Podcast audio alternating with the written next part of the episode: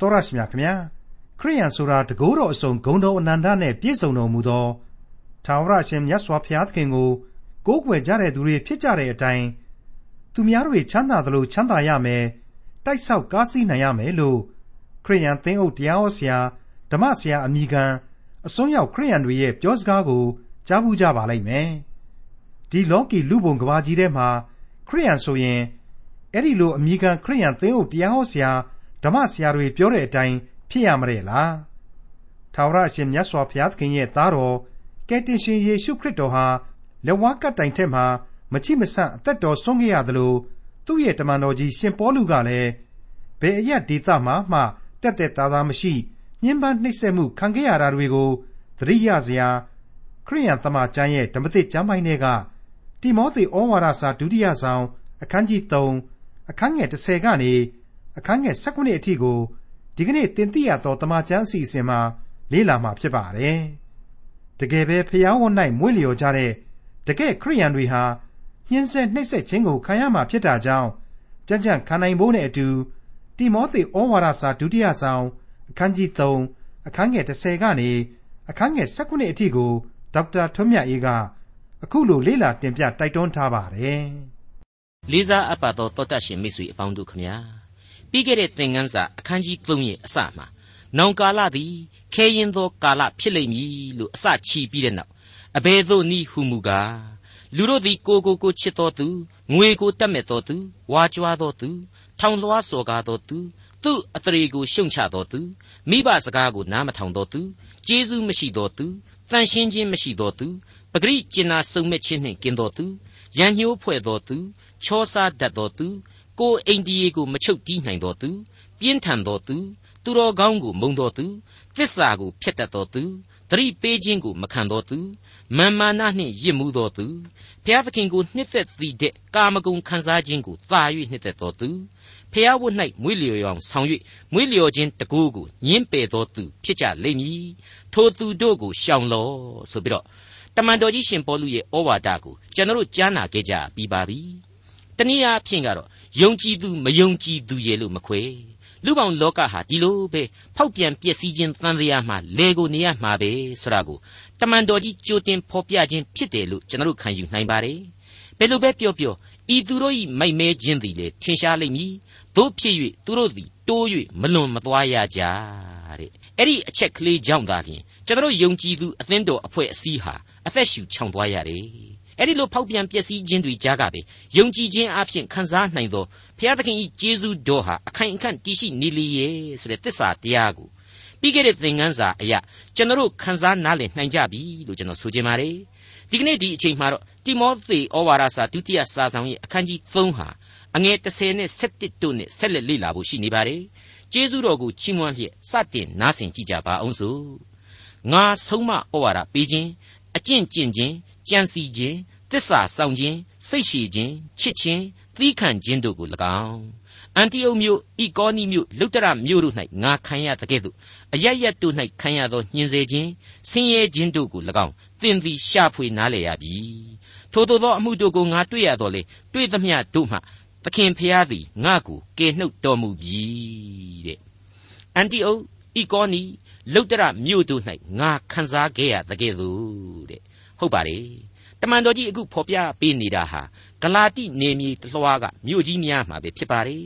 ဘယ်မြို့မှာမှတမန်တော်ကြီးဟာတက်တက်သာသာမရှိခဲ့ဘူးဆရာကိုသူ့ရဲ့တမန်တော်ဝတ္ထုအတွင်းမှာကျွန်တော်ထင်ရှားရှင်းလင်းပြသစွာတွေ့ကြရပြီဖြစ်ပါတယ်ဒီအကြောင်းကလေးတွေကိုပြန်ပြီးအမှတ်တရရှိနိုင်စေဖို့ရန်အတွက်ဤကောနီဆိုတဲ့မြို့ကဖြစ်စဉ်တစ်ခုကိုကျွန်တော်ဟာတမန်တော်ဝတ္ထုအခန်းကြီး14အငယ်1မှ9နဲ့ကိုးကားပြခြင်းပါတယ်ဤကောနီမြို့သို့ရောက်ရင် ထိုသူနှစ်ယောက်တို့သည်ယူဒတရားစရပ်သို့ဝင်၍ဟောပြောသဖြင့်ယူဒလူဟေလသလူအပေါင်းတို့သည်ယုံကြည်ခြင်းသို့ရောက်ကြ၏မယုံကြည်သောယူဒလူတို့သည်တပါးမျိုးသားတို့ကိုနှိုးဆော်၍ညီအကိုတို့အားမနာလိုသောစိတ်ရှိစေခြင်းဟာချောစားကြ၏ထို့ကြောင့်ကြာမြင့်စွာနေ၍သခင်ဖျား၏တရားတော်ကိုမဆုတ်မဆိုင်ဟောပြောလေ၏သခင်ဖျားသည်လည်းကျေးဇူးတရားတော်ဘက်၌တက်သည့်ခံတော်မူရဲ့တမန်တော်တို့သည်နမိတ်လက္ခဏာအံ့ပွေသောအမှုတို့ကိုပြုနိုင်မည်အကြောင်းအခွင့်ပေးတော်မူ၏ ထိုမြို့သူမြို့သားအပေါင်းတို့သည်ကွဲပြားခြင်းရှိ၍အချို့တို့သည်ယူဒလူတို့ဘက်၌၎င်းအချို့တို့သည်တမန်တော်တို့ဘက်၌၎င်းနေကြ၏မင်းအရာရှိတို့နှင့်ယူဒအမျိုးသားတတပားမျိုးသားတို့သည်တမန်တော်တို့ကိုညှင်းဆဲ၍ကြောက်ခဲနှင့်ပြစ်မည်ဟုတဟုန်တီးပြေးလာကြသည့်အကြောင်းကိုတမန်တော်တို့သည်သိလျင်လူကောနိပြည်၌လုတ္တရမြို့ဒေရပေမြို့မှစ၍ကျေးလက်များသို့ထွက်ပြေး၍ထိုအရတ်တို့၌ဧဝံဂေလိတရားကိုဟောပြောကြ၏တဲ့ ဒါဟာဤကောနိအရတ်မှာဖြစ်ခဲ့ပုံပါတခါလုတ္တရဆိုတဲ့မြို့မှာဆိုရင်တမန်တော်ကြီးဟာကြောက်ခဲနဲ့အပြစ်ခံရပြီးသေတဲ့အထင်နဲ့တောင်မှမြို့ပြင်ကိုဆွဲထုတ်တာခံရတယ်ကျွန်တော်သင်သိရသောတမန်ကျမ်းရဲ့အယူအဆအရအမှန်တကယ်ပဲသေခဲ့လိမ့်မယ်ကြောက်ခဲနဲ့ပြစ်လို့မသေးသေးဘူးဆိုရင်တောင်မှလူသေးကောင်ကြီးအဖြစ်နဲ့အဲ့ဒီမြို့အလယ်လမ်းမကြီးအတိုင်းဒီရွဆွဲပြီးတော့မြို့ပြင်ကိုဒုံဒုံဒုံဒုံမြည်အောင်ထုတ်သွားတာဆိုတော့အဲ့ဒီလုတ်တရမြို့လေလမ်းတစ်လျှောက်မှာပဲတမန်တော်ကြီးရဲ့ရုပ်ခန္ဓာဟာအမှန်တကယ်ရုပ်ပြက်ဆင်းပြက်တည်ဖြစ်ခဲ့ရှာမှာပဲ တမန်တော်ကြီးရဲ့ကိုယ်ခန္ဓာဟာဘယ်နည်းနဲ့မဆိုစုပ်ပြတ်သက်သွားခဲ့ရှာမှာပဲဒါပေမဲ့ဘုရားသခင်ဟာသူ့ကိုပြန်ပြီးတော့အသက်ရှင်ခွင့်ပေးခဲ့တော်မူဟန်ရှိတယ်ဆိုတာကိုလေအဲ့ဒီတမန်တော်ဝတ္ထုအခန်းကြီး14ထဲမှာပဲဆက်ပြီးတွေ့ကြရပါသေးတယ်အငယ်16ကနေ22အတွင်းမှာပြန်ပြီးတော့ကြည်ပါ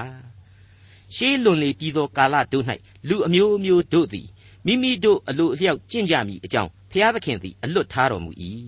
သို့တော်လည်းသင်တို့အားကျေးဇူးပြုလျက်အစာအာဟာရနှင့်ဝပြော၍ဝမ်းမြောက်စေခြင်းဟာမိုးကောင်းကင်မှမိုးရွာစေတော်မူ၍အသီးအနှံတို့ကိုသီးစေတတ်သောဥဒုကိုပေးတော်မူသောအဖြစ်ကိုတော်ရှိတော်မူသည်ကိုတက်သေးမခံဘဲနေတော်မမူဟုပေါလုနှင့်ဗာနဗသည်ကြွေးကြော်လေ၏ထိုသို့ကြွေးကြော်သဖြင့်လူအစုအဝေးတို့သည်ရစ်ပူဇော်ခြင်းကိုမပြုရမည်အကြောင်းမြစ်တားခဲ့သောအမှုကိုမြစ်တားလေ၏ထိုအခါယူရလူတို့သည် အန်တိအုတ်မြို့ဤကောနီမြို့မှလာကြ၍လူအစုအဝေးတို့ကိုညှိညွတ်တိုင်ပင်ပြီးလျင်ပေါလုကိုကြောက်ခဲနှင့်ပြည့်၍သေပြီဟုစိတ်ထင်နှင့်မြို့ပြင်သို့ဆွဲငင်ကြ၏တပည့်တော်တို့သည်ဝန်းရံ၍နေကြစဉ်ပေါလုသည်ထ၍မြို့ထဲသို့ဝင်ပြန်၏။နက်ဖြန်နေ့၌ဘာနဘနှင့်တကွဒေရဘေမြို့သို့ထွက်သွားလေ၏တဲ့မိတ်ဆွေတော်တတ်ရှင်အပေါင်းတို့အဲ့ဒီလိုဒုက္ခဆင်းရဲခြင်းတွေအမျိုးမျိုးကိုခါးစီးပြီးခံနိုင်တဲ့တမန်တော်ကြီးအပေါင်းတို့ရဲ့မေတ္တာစိတ်ဟာ ကနဦးအသင်းတော်တို့ကိုအမြင့်ခိုင်မာစွာနဲ့ထွန်းကားတိုးတက်စေခဲ့ပါတယ်နတ်ကိုးကွယ်မှုနဲ့အသွေးအသားရမက်လမ်းပေါ်ကမြို့ကြီးသားလူသားတွေကိုဂရိယဉ်ကျေးမှုအောက်ကလူတွေကိုအသက်လမ်းပေါ်ကိုရောက်အောင်လို့ပို့ဆောင်နိုင်စွမ်းရှိခဲ့တယ်ဆိုတာကိုကျွန်တော်တို့တွေ့ရပါတယ်အဲ့ဒီလိုတမန်တော်ကြီးရှင်ပေါလုကဖော်ပြနေတာဟာသူ့ရဲ့တတ္တိကိုသူကြွားဝါနေတာလည်းအရှင်မဟုတ်ပါဘူးတမန်တော်ကလေးတိမောသေမှသည် ကျွန်တော်ယုံကြည်သူခရိယန်တွေအားလုံးအတွက်အလွန်ကောင်းတဲ့ဘဝသင်ခန်းစာတွေကိုရယူစေခြင်းလိုပဲဖြစ်ပါတယ်။ဒါကြောင့်လဲတမန်တော်ကြီးဆက်ပြီးဖော်ပြလိုက်တာဟာသိပ်ပြီးတော့ရှင်းနေပါတယ်။ထို့သောသောအမှုတို့ကိုငါတွေ့ရတော့လေတွေ့သမျှတို့မှသခင်ဖျားသည်ငါ့ကိုကယ်နှုတ်တော်မူပြီတဲ့။ပြက်ပြက်သားသားမရှိဘူးလား။မိတ်ဆွေအပေါင်းတို့အမြဲတမ်းငါ့ကိုကယ်နှုတ်ပေးနေမှငါသိလို့ငါဟာမယူရဲတယောက်လို့မကြောက်မရွံ့အမှုတော်ကိုဆောင်နေတယ်ဆိုတာမျိုးကိုလေတမန်တော်ကြီးအရှင်းမသုံးပါဘူး သူဟာအလိုတော်ကိုဝန်ခံနိုင်သူဖြစ်ပါတယ်ဒါဟာခရစ်တော်အဖင်ခံစားရတဲ့ဝိညာဉ်ရေးတတ္တိတက်တဲ့ပဲဖြစ်ပါတယ်ဖိလိပ္ပိဩဝါဒစာအခန်းကြီး1အငယ်20မှ23အတွင်းမှာတမန်တော်ကြီးအခုလိုကြေညာခဲ့ပါတယ်အဘယ်သို့နည်းဟုမူကားငါသည်အရှင်းရှက်ကြောက်ခြင်းမရှိရဲရင်ခြင်းနှင့်ပြည့်စုံ၍အသက်ရှင်သည်ဖြစ်စေသေသည်ဖြစ်စေငါကိုခန္ဓာ၌ခရစ်တော်သည်အစင်မပြတ် ဂုံအသရေထင်ရှားတော်မူသကဲ့သို့ယခုပင်ထင်ရှားတော်မူမည်ဟုငါမျှော်လင့်အားကြီး၍တောင့်တသည်နှင့်အညီသင်တို့ဆူတောင်းသဖြင့်၎င်းယေရှုခရစ်ဝိညာဉ်တော်မဆသဖြင့်၎င်းဤအကြောင်းအရာသည်ငါကိုကယ်တင်သောအကြောင်းအရာဖြစ်မည်ဟုငါသိ၏ငါအသက်ရှင်သည့်အရာမှာခရစ်တော်ဖြစ်၏သေလျင်မူကားသာ၍အကျိုးရှိ၏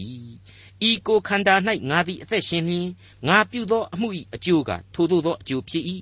သို့တော်လေအဘယ်အကျိုးကိုရွေးယူရမည်ဟုငါမသိထိုအကျိုးနှစ်ပါး၏အကြား၌ငါသည်ယခုကျင်းမြောင်းစွာနေရ၏စုတည်၍ခရစ်တော်နှင့်အတူနေခြင်းဟာတောင့်တလိုခြင်းသောစိတ်ရှိ၏သာ၍အလွန်ထူးမြတ်သောအကျိုးဖြစ်၏တဲ့ကဲကြားရတဲ့အတိုင်းပါပဲမိတ်ဆွေတမန်တော်ကြီးရဲ့ဝိညာဉ်ရေးတတ္တိဟာအဲ့ဒီလောက်အထိပြင်းထန်ကြီးမားခဲ့ပါလေမိတ်ဆွေအပေါင်းတို့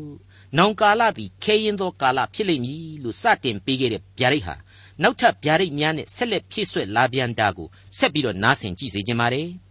တိမောသေဩဝါဒစာဒုတိယစာဆောင်အခန်းကြီး3အငယ်7နဲ့73ယေရှုခရစ်တရားတော်နှင့်အညီဖျားဝတ်၌မွေ့လျော်၍နေခြင်းဟာအလိုရှိသောသူအပေါင်းတို့သည်ညှင်းဆဲခြင်းကိုခံရကြလိမ့်မည်ဆိုးညစ်သောသူလှည့်ပြားသောသူတို့မူကားသူတပားကို၎င်းကိုကို၎င်းလှည့်ပြား၍ဆိုးညစ်ခြင်း၌တရွေ့၍တိုးပွားကြလိမ့်မည်တဲ့ ကျွန်တော်သင်သိရသောသမာကျမ်းကိုပြုစုသူဆရာကြီးဒေါက်တာဂျေဗန်မက်ဂီကတော့လွန်ခဲ့တဲ့နှစ်ပေါင်းများစွာကတည်းကသူတို့အမေရိကန်လူအဖွဲ့အစည်းမှာဖဖျားဝတ်၌မွေ့လျော်တဲ့လူတွေဟာပေါက်ပန်းစည်းလျှောက်လုံးနေတဲ့လူရန်ကားတွေကြားထဲမှာအမှန်တကယ်ပဲနေစရာမရှိတော့ဘူးလူသူတော်ကောင်းတွေမှန်ရင်စိတ်ဆင်းရဲရတဲ့ခေတ်ကြီးကိုရောက်နေပြီဆိုပြီးတော့ဆွဆွဲလိုက်ပါတယ်ဆိုးညစ်တော်သူလှည့်ပြားသောသူတွေဟာတဲ့သူတစ်ပါးကိုလည်းလှည့်စားမယ်ကိုကိုကိုလည်းလှည့်စားလာကြလိမ့်မယ်တဲ့အတိတ်ဘယ်ကတော့ရှင်းနေပါလေ မဟုတ်တာလုပ်တာကိုကအဟုတ်လို့လို့အမှန်လို့လို့ဖြစ်လာလိမ့်မယ်ညစ်တိညစ်ပတ်တိမကောင်းမကန်းနေလောက်ကြတာကိုကဂုံငယ်เสียမဟုတ်တော့ဘူးရှက်เสียမဟုတ်တော့ဘူးဆိုတဲ့ကာလခေတ်ကြီးကိုကပြောင်းပြန်ဆိုတာမျိုးဖြစ်လာမယ်ဆိုတာကိုတမန်တော်ကြီးဟာတိမောသေမှတဆင့်ကျွန်တော်တို့လူသားအားလုံးကိုသတိပေးလိုက်ပါတယ်ဒီအနှုတ်လက္ခဏာဇယိုက်တွေးဟာကကာလကုံဆုံးကနီးလီလီပုံမများပြားလာလီလီဖြစ်လိမ့်မယ်ဆိုတာကိုလေတမန်တော်ကြီးရည်ညွှန်းလျက်ရှိပါတယ် ဆိုးညစ်ချင်းတို့တိုးပွားလာမယ်ဆိုတာကိုဖော်ပြတဲ့နေရာမှာဟောဟောဒိုင်ဒိုင်တိုးပွားမယ်လို့မဆိုပါဘူးနော်တရွေ့ရွေ့တိုးပွားခြင်းတဲ့မှန်ပါတယ်ရှေ့မီနောက်မီပညာရှိပုဂ္ဂိုလ်ကြီးတွေအကုန်လုံးတညီတညွတ်ကြီးပြောနေကြတဲ့စကားတွေဟာဒီအချက်ကိုထောက်ခံနေပါတယ်မိတ်ဆွေအပေါင်းတို့ခမညာတမန်တော်ကြီးရှင်ပေါလုရဲ့အခုတိမောသေဩဝါဒစာဒုတိယစာဆောင်ဆရာဟာတမန်တော်ကြီးရဲ့နေဝင်စည်းစာညဩဝါဒဖြစ်တယ် တမန်တော်ကြီးရဲ့သေလူဆဲအချိန်အမှားစာပဲဆိုတာကိုကျွန်တော်အချင်းချင်းဖော်ပြခဲ့ပါတယ်နော်တမန်တော်ကြီးဟာသူ့အလွန်ချစ်တဲ့တပည့်ကလေးတိမောသေရဲ့ရှေ့ရေးမှာဘာတွေဘယ်လိုကြုံရမယ်ဆိုတာကိုဖော်ပြပေးနေသလိုတက္ကာလအချိန်အထိယုံကြည်သူအသင်းတော်ဟာဘယ်လိုဘယ်လိုဖောက်ပြန်မှုတွေနဲ့ရင်ဆိုင်ရလိမ့်မယ်တရွေ့ရွေ့တိုးပွားနေတဲ့အပြစ်ဒုစရိုက်မှောင်မိုက်တွေကြားမှာယုံကြည်သူအပေါင်းတို့ဟာဘယ်လိုယက်တီရှင်သန်ကြရမယ်ဆိုတာတွေ့ကိုအဖသေယုတ်ဆရာကြီးတပါ ယုံကြည်ခြင်းရဲ့ဖခင်ကြီးတူအဖြစ်အကြံပြုနေခြင်းပဲဖြစ်တယ်အဆုံးအမပြုနေခြင်းပဲဖြစ်တယ်တမန်တော်ကြီးဟာဖြစ်လာမဲ့အနိဋ္ဌာယုံတွေတဲမှာတင်ကျွန်တော်တို့ကိုစိတ်ပြက်လက်ပြက်ဖြစ်မသွားစေခြင်းဘူးဆိုတာကိုတော့လေကျွန်တော်တို့မေ့လို့မရနိုင်ပြန်ဘူးမိမောတွေ့ဝေးပြီးတော့စိတ်ဓာတ်တွေကြမနေစေခြင်းဘူးဆိုတာကိုလေသူ့စေတနာဟာပေါ်လွင်နေပါတယ်ဒါကြောင့်မလို့အခုအချိန်မှာတော့လွတ်ရလန်းသူဆိုတဲ့အပြစ်နှင့်ကင်းစင်စေနိုင်သောဤကိုဆက်လက်ဖော်ပြပေးသွားပါတော့မယ် တိမောသေဩဝါဒစာဒုတိယစာဆောင်အခန်းကြီး3အငယ်14နဲ့15သင်သည်အဘယ်သူထ၌နီးခံခဲ့ပြီးသည်ကို၎င်းယေရှုခရစ်ကိုယုံကြည်ခြင်းအပြင်ကယ်တင်ခြင်းအလို့ငှာပညာကိုပေးနိုင်သောဓမ္မကျမ်းစာကိုငယ်သောအရွယ်မှစ၍လေ့ကျက်သည်ကို၎င်းသိမှတ်သည်နှင့်အထက်ကသင်၍နှလုံးသွင်းမိသောအယူဝါဒ၌တည်နေလောသစ္စာတရားဟာအဲ့ဒါပါပဲမိတ်ဆွေနှုတ်ကပတ်တော်သမာကျမ်းစာမှတပါအခြားစီဘယ်မှမှမရှိပါဘူး နှုတ်ကပတ်တော်ဟာပညာကိုပေးပါတယ်တဲ့တမန်တော်ကြီးအဲ့ဒီတိုင်းဖော်ပြလိုက်ပါတယ်ဘာပညာလဲဆိုတော့ယေရှုခရစ်ကိုယုံကြည်ခြင်းအပြင်ကယ်တင်ခြင်းကျေးဇူးကိုခံယူနိုင်တဲ့ပညာဖြစ်တယ်တဲ့မိတ်ဆွေအပေါင်းတို့ကျွန်တော်ဟာသုတ်တန်ကြံများအပြင်ပညာတရားရဲ့အကြောင်းတွေကိုအသေးစိတ်လေ့လာခဲ့ကြပြီးပြီဖြစ်ပါတယ်ထာဝရဘုရားကိုကြောက်ရွံ့ခြင်းသဘောသည်ပညာ၏အချုပ်အခြာဖြစ်၏တဲ့ပြီးတော့တခါထာဝရဘုရားကိုကြောက်ရွံ့ခြင်းသဘောသည်ပညာကိုသွန်သင်ခြင်း ဝေမျှခြင်းဖြစ်၏တဲ့နောက်ပြီးတော့ထာဝရဘုရားကိုကြောက်ရွံ့ခြင်းသဘောသည်ဒုစရိုက်ကိုရှောင်ခြင်းဖြစ်၏ထာဝရဘုရားကိုကြောက်ရွံ့ခြင်းသဘောသည်အသက်ရှင်ခြင်းအကြောင်းဖြစ်၏အဲ့ဒီလိုကျွန်တော်တို့ကိုတုတ်တန်ကြံများအားဖြင့်ဘုရားသခင်သင်ကြားပေးခဲ့ပြီးပါပြီအနှစ်ချုပ်ဖြစ်သောပညာတရားရဲ့သဘောထားအမှန်တွေကိုကျွန်တော်တို့ခံယူနိုင်ခဲ့ကြပြီးပြီဖြစ်ပါတယ်အခုတမန်တော်ကြီးထမှန်ဖော်ပြပေးနေတာကတော့ယေရှုခရစ်ကိုယုံကြည်ခြင်းအပြင်ကယ်တင်ခြင်းအလို့ငှာပညာကိုပေးနိုင်သောဓမ္မကျမ်းစာကို ငယ်သောအရွယ်မှစ၍လေ့ကျက်ထားသူသိမှတ်ဆွဲလန်းခြင်းလည်းရှိသောသူဖြစ်သည်နှင့်အညီမိမိနှလုံးသွင်းထားသောအယူဝါဒ၌တည်နေပါလောတဲ့အဲ့ဒီလိုအားပေးတိုက်တွန်းလိုက်ခြင်းဖြစ်ပါတယ်ဒီနေရာမှာကယ်တင်တော်မူခြင်းကျေးဇူးတော်ရဲ့သဘောတရားကိုကာလ၃ပါးမူတည်ပြီးတော့စဉ်းစားတိုက်တယ်လို့ကျွန်တော်ထင်ပါတယ်ကယ်တင်ခြင်းရဲ့သဘောတရား၃ခုပါကယ်တင်ခြင်းကိုခံခဲ့ရပြီဆိုတဲ့အတိတ် ကယ်တင်ခြင်းကိုခံစားနေရတယ်ဆိုတဲ့ပြစ္ဆုတ်ပန်းနဲ့ကယ်တင်ခြင်းသို့ရောက်လိမ့်မည်ဆိုတဲ့အနာဂတ်သုံးမျိုးသောကယ်တင်ခြင်းဆိုပြီးတော့ကျွန်တော်တို့ခွဲခြားလို့ရနိုင်တယ်လို့ကျွန်တော်တွေးမိပါတယ်ကျွန်တော်မိษွေတို့အဖို့အတိတ်မှာကလေးကခရစ်တော်ရဲ့ကားတိုင်တော်ပေါ်မှာအသေးခံတော်မူခြင်းဆိုတဲ့အချက်အပြင်ကယ်တင်ခြင်းကျေးဇူးတော်ဆိုတာဟာတည်ရှိခဲ့ပြီးသားအရာဖြစ်နေပြီကျွန်တော်တို့ကယုံကြည်ခြင်းနဲ့လက်ခံဖို့သာရှိတယ်ယောမဩဝါဒစာအခန်းကြီး၈အငယ်၁မှ၄အရာ ကယ်တင်ခြင်းရဲ့သဘောတရားကိုအခုလိုကျွန်တော်တို့တွေ့နိုင်ပါတယ်ဖျားသခင်ကယ်လွတ်တော်မူသောကြောင့်ယေရှုခရစ်၌တည်၍ဇာတိပဂရိအတိုင်းမကျင့်ဝိညာဉ်ပဂရိအတိုင်းကျင့်သောသူတို့သည်အပြစ်စီရင်ခြင်းနှင့်လွတ်ကြ၏ယေရှုခရစ်၌တည်၍အသက်ရှင်စေသောဝိညာဉ်တော်၏တရားသည်အပြစ်တရား၏လက်မှ၎င်းသေခြင်းတရား၏လက်မှ၎င်းငါ့ကိုကယ်လွတ်ပြီဇာတိပဂရိကြောင့်အပြစ်တရားသည်အားနည်း၍မတတ်နိုင်သောအမှုကိုဖျားသခင်ပြုတော်မူခြင်းငှာ အပြစ်နှင့်ပြည့်စုံသောဇာတိပဂရိ၏လူသရံကိုဆောင်သောမိမိသားတော်ကိုစေလွှတ်တော်မူ၍အပြစ်ဖြေဖို့ရာဇာတိပဂရိ၌အပြစ်ကိုဒဏ်ပေးတော်မူ၏အကြောင်းမူကားဇာတိပဂရိအတိုင်းမကျင့်ဝိညာဉ်ပဂရိအတိုင်းကျင့်သောငါတို့သည်တရား၌ပါသောပြည့်ညတ်တို့ကိုစောင့်ရှောက်မည်အကြောင်းတည်းအဲ့ဒီလိုအတိတ်ကပြုတော်မူခဲ့သောကျေးဇူးတော်ဟာဒီကနေ့အထိလဲဆက်လက်ပြီးတော့ကယ်တင်ခြင်းအမှုကိုပြုနေတဲ့အကြောင်းကိုကျွန်တော်ကောင်းကောင်းကြီးခန်းစားထိတွေ့နိုင်ကြပါတယ် ဆက်လက်ပြီးတော့ကျွန်တော်လက်ဆုပ်လက်ကင်ကြိုပြီးတော့မသိတဲ့အနာဂတ်စီတို့လေဒီကျေးဇူးတော်ဟာကယ်တင်ခြင်းကိုထပ်မံဖြစ်စေမှာအမှန်ပါပဲရှင်ယောဟန်ဩဝါဒစာပထမစာဆောင်အခန်းကြီး3ဟာဒီအချက်ကိုမိမောင်းထိုးဖော်ပြပေးနေတယ်လို့ကျွန်တော်ခံယူပါတယ်ဖျားသခင်ဤသားတော်ဟုခေါ်ဝေါ်ခြင်းအခွင့်ကိုငါတို့သည်ရမည်အကြောင်းဖျားသခင်သည်ငါတို့ကိုအဘယ်မျှလောက်ချစ်တော်မူသည်ကိုကြည့်ရှုဆင်ခြင်ကြလော့လောကီသားတို့သည်ဖျားသခင်ကိုမသိသောကြောင့်ငါတို့ကိုလည်းမသိကြချစ်သူတို့ ယခုတွင်ငါတို့သည်ဖျားသခင်၏သားဖြစ်ကြ၏နောက်မှအဘယ်သို့သောသူဖြစ်မည်ဟုမထင်ရှားသေးသို့တော်လည်းကိုတော်သည်ထင်ရှားပေါ်ထွန်းတော်မူသောအခါငါတို့သည်ကိုတော်နှင့်တူကြလက်တန့်ဟုငါတို့သိကြ၏အကြောင်းမူကားကိုတော်ဖြစ်တော်မူသည့်အတိုင်းငါတို့သည်မြင်ရကြလက်တန့်ထိုသို့မျှော်လင့်သောသူမြည်သည်ကကိုတော်တန်ရှင်းတော်မူသည်နိတုကိုကိုကိုတန်ရှင်းစေတတ်၏တဲ့မိတ်ဆွေအပေါင်းတို့ကာလသုံးပါးစလုံးအတွက်တည်ရှိနေတဲ့ကယ်တင်ခြင်းကျေးဇူးတော်ဟာ အခုတိမောသေဩဝါဒစာရဲ့အားပေးချက်အရာဆိုရင်အသက်လမ်းကိုရယူမှုဖျားသခင်ရဲ့သားသမီးများအဖြစ်ကောင်းကင်အမွေကိုခန်းစား권ဆိုတာတွေ့ကိုကြိုကြိုတင်တင်ဂရိပေးထားယုံမကတော့ဘူးဂရိပေးထားယုံမဟုတ်တော့ဘူးလက်တွေ့အသက်တာမှာလေအထက်ကဖော်ပြခဲ့တဲ့အပြစ်ဒုစရိုက်တွေဖောက်ပြန်ပျက်စီးခြင်းတွေတဲကနေပြီးတော့ဝိညာဉ်ခွန်အားများပွားများလာပြီးတော့ဘေးလွတ်လုံခြုံမှုကိုခံစားဖို့ရန်ပေးစွန်းပြန်တယ်ဆိုတာကိုကျွန်တော်ဆက်လက်နားလည်ဖို့ရန်အတွက်ပေါ်ထွက်လာပြန်ပါတယ် ဟုတ်ပါတယ်နှုတ်ကပတ်သမာကျမ်းစာတော်မြတ်၌တည်ငြိမ်သမျှကာလပတ်လုံးဘယ်သောအခါမျှလမ်းမလွဲနိုင်ပါဘူးဒါကိုလူငယ်ကလေးဖြစ်တဲ့တိမောသေနဲ့တကွကျွန်တော်အားလုံးအတွက်မပြတ်မကွက်တန်ရင်ဝယ်ပိုက်နိုင်ဖို့ရန်တမန်တော်ကြီးဟာသူ့ဘဝအတွေ့အကြုံသူခံစားခဲ့ရတဲ့ကျေးဇူးတော်များနဲ့အညီအခိုင်အမာလမ်းညွှန်မှုပြုလျက်ရှိနေပါတယ်တိမောသေဩဝါဒစာဒုတိယစာဆောင်အခန်းကြီး3အငယ်16နဲ့18အဆုံးအထိထိုကျမ်းစာရှိသမျှသည် ဖျားသခင်မှုတ်သွင်းတော်မူသောအားဖြင့်ဖြစ်၍ဖျားသခင်၏လူသည်စုံလင်သောသူကောင်းသောအမှုအမျိုးမျိုးတို့ကိုပြုစုခြင်းအလို့ငှာပြင်ဆင်သောသူဖြစ်မည်အကြောင်းဩဝါဒပေးခြင်းအပြစ်ကိုဖော်ပြခြင်းဖြောင့်မတ်စွာပြုပြင်ခြင်းတရားကိုသွန်သင်ခြင်းကျေးဇူးများကိုပြုတတ်၏ကျမ်းစာရှိသမျှတဲ့ရှင်းနေတာပါပဲကဘာဦးကျမ်းကနေပြီးတော့ဗျာဒိတ်ကျမ်းအထိကျမ်းတွေအကုန်လုံးပါဝင်ပါတယ်နော်အကုန်လုံးသောကျမ်းတွေဟာအသက်ရှင်ခြင်းလမ်းကိုညွှန်ပြပေးနေပါတယ် ဘုရားသခင်ကိုတော်တိုင်ဝိညာဉ်မှုတ်သွင်းပေးထားတဲ့စာပေအစုအဝေးဖြစ်နေပါတယ်ဟုတ်ပါတယ်သူချစ်တဲ့လူသားတွေအတွက်ပါဘုရားသခင်ဤလူသည်စုံလင်သောသူကောင်းသောအမှုအမျိုးမျိုးတို့ကိုပြုစုခြင်းအလို့ငှာပြင်ဆင်သောသူဖြစ်မည်အကြောင်းတဲ့မရှင်းဘူးလားဖျားသခင်ဟာဒီနှုတ်ကပတ်တော်ကိုဘာကြောင့်ချထားပေးရသလဲဆိုတာကိုလူသားတိုင်းနားလေအောင်ရိုးရိုးကလေးဖော်ပြလိုက်ခြင်းပဲ ဘယ်လိုနည်းနဲ့များလူသားဟာစုံလင်သောသူဆိုတဲ့အဆင့်အထိဖြစ်နိုင်မှာပါလဲ fallen nature လို့ဖော်ပြတဲ့အပြစ်တရားမှသာရိမ့်ရွက်တိမ်ပါတတ်သောလူသားများသာသဘာဝအလျောက်ဖြစ်နေတယ်ဆိုတာကိုကျွန်တော်အားလုံးဝန်ခံကြရမယ်ကျွန်တော်ကိုယ့်ကိုယ်ကိုလည်းသိကြရပါလိမ့်မယ်အဲ့ဒီတော့ကျွန်တော်ဘဝမှာဘယ်လိုလုပ်ပြီးတော့စုံလင်ခြင်းတို့ရောက်နိုင်မှာလဲခတ်သိမ်းသောပြည့်စုံခြင်းအရှင်သခင်ခရစ်တော်အားဖြင့်စုံလင်ခြင်းအခွင့်ကိုရယူခံစားနိုင်အောင်ဘုရားသခင်ပြင်ဆင်ပေးခြင်းပဲဖြစ်ပါတယ် အဲ့ဒီလိုပြည့်စုံခြင်းကိုခံစားရစေဖို့ရန်အတွက်လေခရစ်တော်ကိုယုံကြည်ဖို့ရန်ဆိုပြီးတော့နှုတ်ကပတ်ကျမ်းစာတော်မြတ်ဟာအစဉ်သွန်သင်ပေးလျက်ရှိနေပါတယ်ကောလောသဲဩဝါဒစာအခန်းကြီး1အငယ်15ကနေ20အတွင်းမှာကျွန်တော်အခုလိုတွေ့ခဲ့ကြပြီဖြစ်ပါတယ်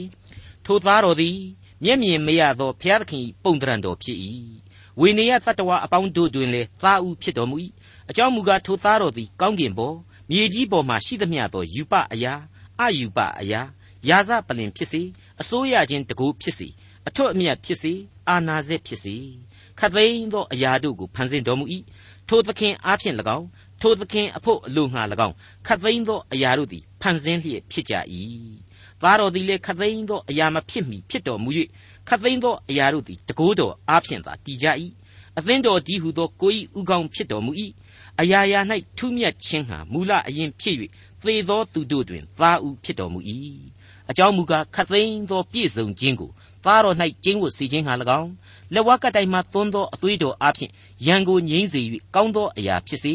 မြေကြီးအရာဖြစ်စေခသိန်းသောအရာတို့ကိုသားတော်အဖျင်ဖျားသခင်နှင့်မိသဟာယဖွဲ့စည်းခြင်းဟာ၎င်းအလိုရှိတော်မူ၏တဲ့အဲ့ဒီလိုဖော်ပြထားခြင်းပါ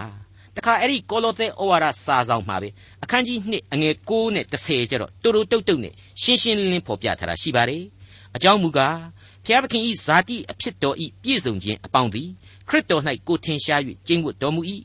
အထွတ်အမြတ်အာနာစက်ရှိသမျှကိုအုပ်ဆိုးတော်မူသောထိုသခင်၌သင်တို့သည်စုံလင်ခြင်းရှိကြ၏တဲ့မရှင်းဘူးလားမိတ်ဆွေအပေါင်းတို့ခရစ်တော်အားဖြင့်သာရယူနိုင်တဲ့စုံလင်ခြင်းစုကျေးဇူးကိုအပြစ်မျိုးစုံလင်နေတဲ့မြေကြီးသားတို့အတွက်ဘုရားသခင်ချထားပေးနေပါတယ်ကျေးဇူးတော်ကိုချီးမွမ်း၍လက်ခံလိုက်ကြပါ